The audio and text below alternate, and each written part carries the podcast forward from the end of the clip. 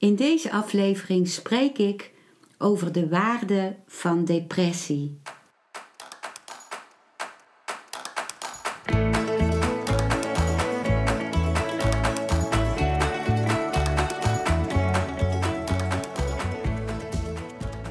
Welkom bij een nieuwe aflevering van Modita's podcast Van Pijn naar Zijn.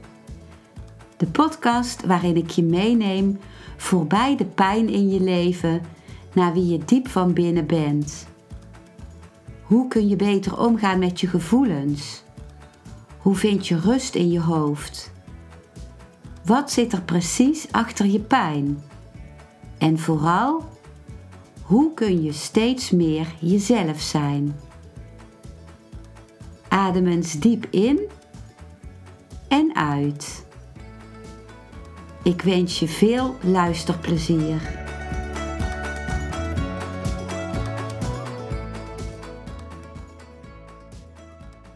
Ik ga spreken over de waarde van depressie. En aan het eind van deze aflevering lees ik een heel hoofdstuk voor uit mijn boek Depressie: een opstap naar geluk. Dat is het hoofdstuk luisteren naar je ziel.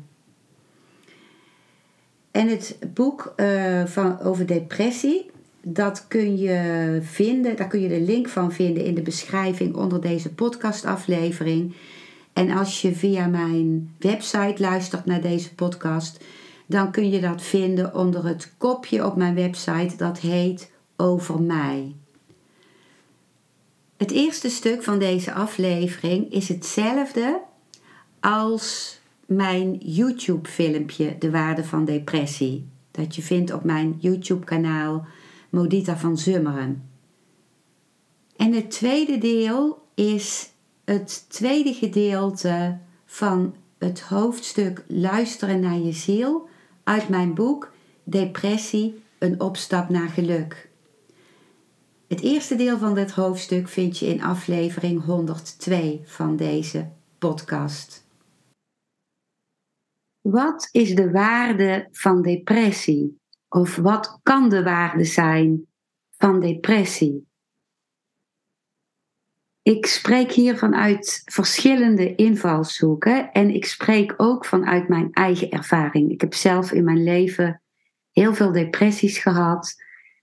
En ik ben daar een heel aantal jaar geleden definitief uitgekomen. Dus ik vind het heel belangrijk om daarover te delen, omdat ik weet hoe afschuwelijk het is, vaak om in een, of bijna altijd, om in een depressie te zitten. Allereerst is het vaak een beschermingsmechanisme tegen een uh, overprikkeling, iets wat te veel was voor jouw systeem.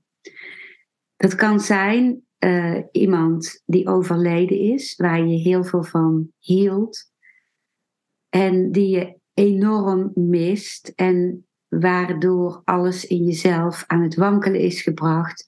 En wanneer dat ook te plotseling is gebeurd en wanneer dat linkt aan uh, verlieservaringen ook van jou eerder in je leven, bijvoorbeeld als kind of al in de baarmoeder als je een tweelinghelft verloren bent, dan komt dat nog harder aan.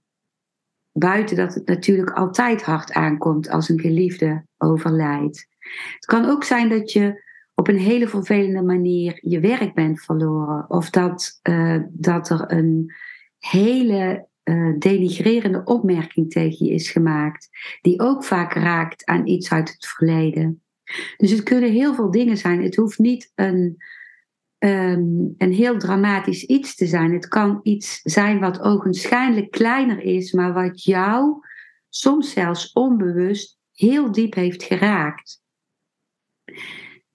En dan komt er eerst een hele grote prikkeling in je zenuwstelsel. Dus je hart gaat tekeer, je, je, je bent uh, heel zenuwachtig of het, uh, je gaat hyperventileren of je je energie loopt steeds verder op, je stresshormonen lopen steeds verder op. En dan wordt dat zoveel dat het door het zenuwstelsel niet meer te hanteren is. En wat er dan gebeurt, is dat er dan een overkoepelend zenuwstelsel actief wordt, dat alles naar beneden drukt. En die zorgt dat je hele zenuwstelsel geremd wordt. En ook je emoties. Dus dan voel je niks meer, geen emoties meer. Alles is grijs en vlak en grauw. En je bent in een passieve staat gekomen, uh, ingezakt en je, je voelt geen impulsen meer voor een beweging. En vaak heeft dat ook invloed op je, op je cognitieve functies, dus op je hersendelen. Die kunnen rekenen, die kunnen ordenen, die kunnen beredeneren. Ook die worden als het ware buitenspel gezet. Dus wat ik weet van mijn depressies was dat ik gewoon niet meer kon rekenen. Als, als iets 5 euro kostte, dan wist ik niet of als ik een 10 euro biljet gaf, of dat genoeg was. Dus ik dacht dat ik heel dom was geworden. Maar het heeft in feite niks met domheid te maken, maar dat lijkt voor jezelf dan wel. Dus dat zenuwstelsel dat in actie komt om het, het te geactiveerde zenuwstelsel te kalmeren, ten behoeve van jouw overleving, kan zorgen voor een depressie. Wat ook een functie kan zijn van de depressie, is iets op zielsniveau. Dat jouw ziel er vaak onbewust voor kiest om af te dalen naar de meest donkere plekken, naar, naar het absolute dal. En dat, dat kan iets zijn wat je, wat je ziel al wilde uh, bij je geboorte of voor je geboorte. Ik ga zelf uit van meerdere levens. Het hoeft bij jou niet zo te zijn. Dus als dat niet zo is, dan skip je gewoon even dit stukje. Maar uh, het kan een verlangen zijn om iets wat eerder niet afgemaakt is of wat niet gezien kon worden, dat je dat deep down wil ervaren. En dan kan het zijn dat jouw depressie nog dieper moet gaan om echt aan die bodem te komen. Ik schrijf daar ook over in mijn boek Depressie, een opstap naar geluk. En dat kan een, een verlangen zijn, omdat als je echt gekend hebt, ten diepste gekend hebt, wat het diepste zwart is, wat, wat, wat er kan zijn als je helemaal in het dal bent geweest of bent, dan kun je ervaren van wat is nu echt belangrijk in mijn leven. Soms kun je dat dan pas ervaren. Ik zeg niet dat je dat alleen door een depressie kunt ervaren, maar soms is dat nodig voor je leven. Ook al is het de depressie een hel om in te zitten. En dan kun je je vanuit dat dal, als je dat bereikt hebt, afzetten naar het leven. Dan kun je soms pas echt zien wat dat precies is, dat dal. En van, omdat je ziet wat het dal is, kun je van daaruit ook gaan zien wat echt leven is. En het mooie na een depressie, terwijl in de depressie je nooit kunt voorstellen dat je er ooit uit zult komen. Het mooie daarna is dat je leven zoveel meer waarde heeft dan wanneer je die depressie niet gehad zou hebben ik zie nu mijn geluk met de achtergrond van dat donker. Dus ik weet wat het is om te denken dat ik nooit meer zou kunnen zeggen dat het goed zou gaan met mij.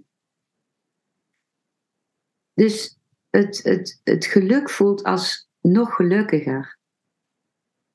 En met geluk bedoel ik niet extase of altijd blij zijn, maar bedoel ik echt de verbinding voelen met jezelf. Een depressie is in feite ook een tunnel. Een tunnel van uh, iets in je leven wat niet meer werkt, naar iets waarvan je nog niet weet dat het er is, dat het er zal zijn. Naar een nieuwe staat van zijn. Je voelt in feite dat je oude wijze van leven niet meer werkt. En je kunt nog niet het licht zien aan het eind van de tunnel wanneer je een nieuw stuk ingegaan zult zijn. Want een nieuw stuk kun je je nog niet eens voorstellen. Wat wij ons voorstellen in de toekomst is altijd een stuk verlengstuk, een verlengstuk van wat we kennen uit het verleden. Dus in mijn depressie vroeg wel eens een psycholoog aan mij: heb je het gevoel dat er ergens in jou een lampje is, een lichtje is? En toen zag ik in mezelf een klein rood lichtje in mijn verbeelding, ergens in mezelf. En dat gaf mij heel veel. Ik dacht, ik kan het niet zien buiten mij, maar ik kan. Ik heb dat lichtje gezien. Ik weet dat er een lichtje is of moet zijn. Mijn spirituele meester Osho benadrukt hoe belangrijk het is om in het dal te durven zijn, om, om daarmee te zijn, om er niet tegen te gaan vechten. Als je er tegen gaat vechten, dan kom je in een secundaire depressie, in een depressief zijn over de depressie. En daar is heel moeilijk uit te komen. Maar als je gewoon voelt wat er is, zonder oordeel, dat is heel moeilijk, zeg ik uit eigen ervaring, ik had er altijd een oordeel op, dan is het gewoon ook een staat van zijn, net zoals blijheid een staat van zijn is. En wat Osho zegt is dat toen ik in het dal durfde te zijn, toen waren er geen dalen meer en geen pieken meer. Toen, was ik in feite altijd op een soort hoogtepunt. Dat is ook meditatie, zijn met wat er is. En daarvoor is het belangrijk om het vergelijken met anderen los te laten. Ik heb daar een heel hoofdstuk in mijn boek, Depressie en opstap naar geluk, aan gewijd. Aan het destructieve van het je vergelijken met anderen. Ik ging bijvoorbeeld kijken naar andere mans ogen. Als ik dan zag dat hij straalde, dan dacht ik, oh, straalde ik ook maar. Maar dan was ik weer weg bij mezelf. En hoe meer ik weg was bij mezelf en in de vergelijking met een ander, hoe minder ik ook verbinding kon maken met mezelf. Dus dat is wat ik wilde zeggen over de waarde van depressie. En als je depressief bent, kan ik je echt van harte mijn boek Depressie, een opstap naar geluk aanraden. Dat uh, er komt een overgang naar dat ik het boek in eigen beheer ga uitgeven. Dus als je het, eh, mocht je het niet meer kunnen vinden op bol.com, dan kun je altijd bij mij terecht. In de tussentijd uh, en mijn gegevens en mijn e-mailadres kun je vinden in de beschrijving onder dit filmpje. Het is een heel waardevol boek. Het is een boek waarin ik mijn eigen depressie-autobiografie deel en waarbij ik heel veel ingangen deel van meer, waardoor je meer zicht krijgt op je depressie en meer begrip ervoor krijgt. En ik deel wat mij geholpen heeft om eruit te komen. En het kan ook kostbaar zijn om het boek uh, te geven aan iemand die depressief is, als die dat tenminste wil. Want het is nooit goed om iets natuurlijk te geven tegen iemands wil in. Nu volgt het tweede deel van het hoofdstuk Luisteren naar je ziel uit dit depressieboek van mij. En dat uh, daarvan lees ik eerst het subhoofdstukje reïncarnatie. Tot mijn dertigste levensjaar was ik niet bezig met het begrip reïncarnatie. Ik kreeg er voor het eerst mee te maken tijdens mijn gestalttherapieopleiding. Toen ik op een van de opleidingsdagen terugkwam van het toilet, bleek het gesprek over dit onderwerp te gaan.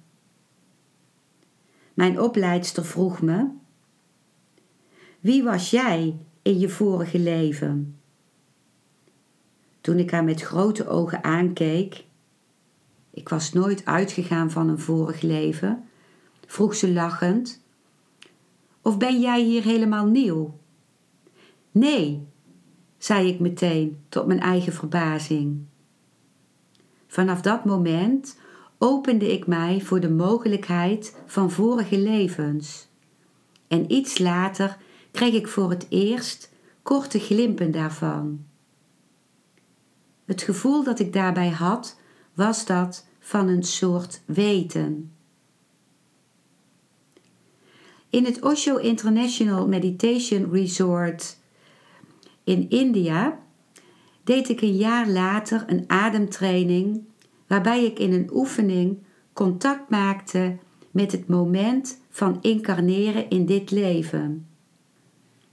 Ik voelde dat ik mij voor mijn geboorte in een vredige, wijdse ruimte in het universum bevond, toen ik ineens door mijn moeder geroepen werd om naar de aarde te komen. Ik voelde me er nog niet klaar voor. Haar roep was echter zo sterk dat ik toegaf en me naar haar baarmoeder bewoog, waarbij ik tegelijkertijd een nee had. Dat nee kwam voort uit dingen van vorige levens, zonder dat ik weet wat die dingen zijn, en zorgde ervoor dat ik me niet over durfde te geven aan weer een leven op aarde, met alle pijn en verwikkelingen die daarbij horen. Toch was mijn ja groter. Anders was ik niet gekomen. Nu kan ik zien dat de weigering om te leven, die ik bij mijn geboorte had meegebracht, in mijn depressies gehoord en gezien wilde worden, waardoor ik mezelf, zonder dat ik bewust wist waarom, op de handrem had gezet. De depressies hebben me laten zien hoeveel duisternis, negativiteit, angst, wanhoop, teleurstelling en uitzichtloosheid er in mij aanwezig waren. Ik heb uiteindelijk mijn ego, dat overal boven wilde staan, op moeten geven. Dat is mijn redding geworden en heeft mijn beweging naar het licht doen ontstaan.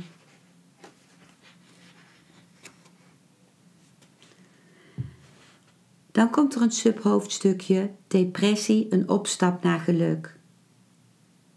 Door in mijn laatste depressie helemaal naar de bodem te gaan, kon ik me afzetten naar boven, naar het licht. En vanaf dat moment is mijn bewustzijn blijvend veranderd. Ik ben dankbaar. Ga mee met de stroom van het leven. Volg mijn passie. Heb begrip voor anderen en voor mezelf.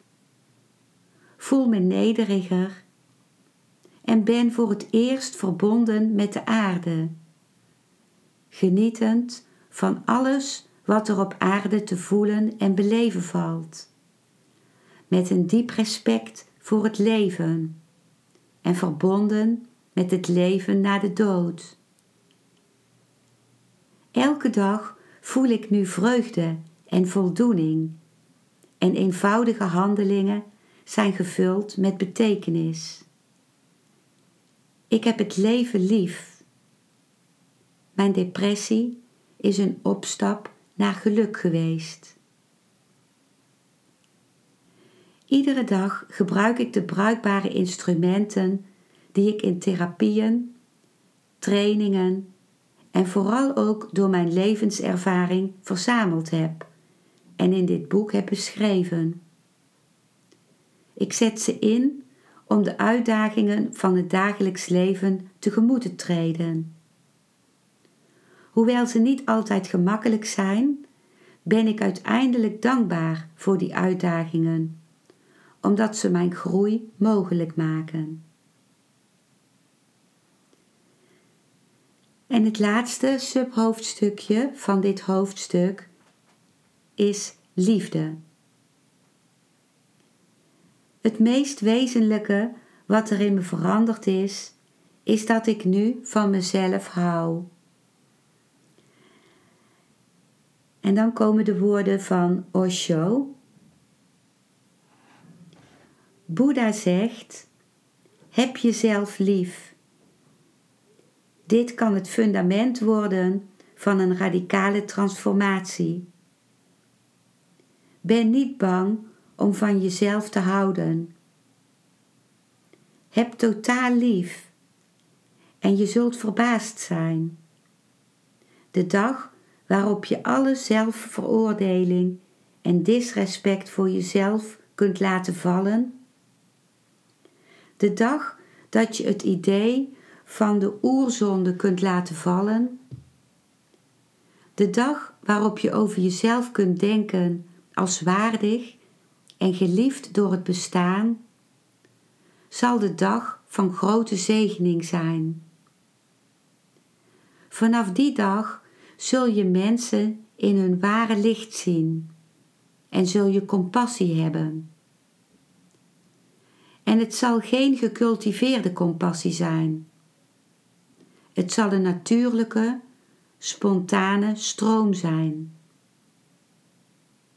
En een persoon die van zichzelf houdt, kan gemakkelijk meditatief worden. Omdat meditatie betekent zijn met jezelf. Wanneer je jezelf haat, zoals je doet, zoals je gezegd is te doen, en je hebt het op een religieuze manier gevolgd, wanneer je jezelf haat, hoe kun je dan met jezelf zijn? En meditatie is niets anders dan genieten van je prachtige alleen zijn. Jezelf vieren. Dat is waar meditatie over gaat. Meditatie is niet een relatie. De ander is helemaal niet nodig. Je bent genoeg aan jezelf. Je baat in je eigen glorie. Je baat in je eigen licht. Je bent eenvoudigweg vreugdevol omdat je leeft, omdat je bent. Dat waren woorden van Osho uit het boek Love, Freedom and Aloneness.